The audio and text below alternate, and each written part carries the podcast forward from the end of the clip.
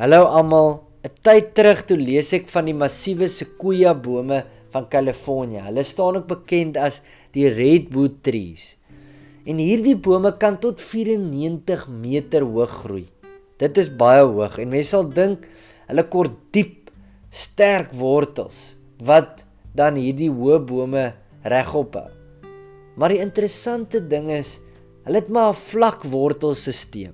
Die wortels gaan in verskillende rigtings en is maar vlak en die doel is dat dit dan die vog wat op die oppervlakte is maklik sal absorbeer. En mense sien nie dat hierdie bome eintlik op hulle eie iewers staan nie. Hulle groei in groepe, in klusters. En wat dan gebeur is hulle wortels vervleg. Hulle wortels groei so eintlik tussendeur mekaar en dan so hou hulle mekaar regop. So so deur hierdie wortels wat vervleg is, kan hierdie hoë bome stewig staan. Selfs al kom daar storms of wind, hierdie bome kan dan sterk staan. En ons kan hierby leer. As Christene het ons mekaar nodig. Ons het mekaar nodig in 'n geloofsgemeenskap. Ons moet mekaar ondersteun en help en lief hê. So kan ons sterk staan, ook al kom die storms van die lewe.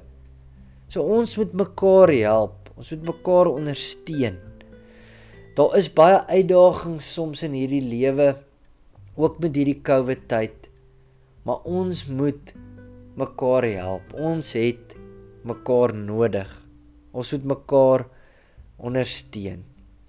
En in 1 Petrus 4 van vers 7 tot 10 hoor ons onder andere dat ons mekaar moet lief hê. Ons moet mekaar innig lief hê. Ons moet gasvry wees teenoor mekaar en ons moet mekaar dien met die genadegawes wat ons van God af ontvang het. So mag ons dit doen. Mag ons regtig daar wees vir mekaar.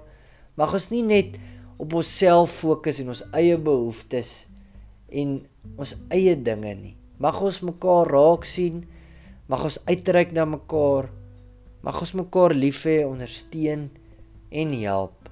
Kom ons doen dit en kom ons help mekaar om sterk te staan. Kom ons vul mekaar aan en kom ons wees daar vir mekaar.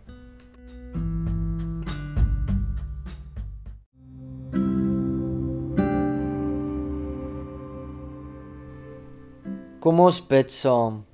Saam met mense wat vasgevang is in moeilike omstandighede, bid ons om bevryding. Saam met mense in wie se basiese behoeftes na kos, klere en onderdak nie voorsien word nie, bid ons vir verligting.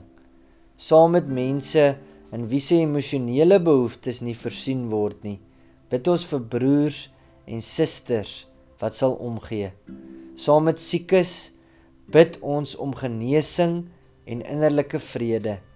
Saam met bedroefdes en treurendes bid ons vir 'n nuwe lied in die hart. Saam met hulle wat na U soek en nie vind nie, ook hulle wat nie weet dat hulle U nodig het nie. Bid ons dat U iemand sal stuur met die goeie nuus van die evangelie.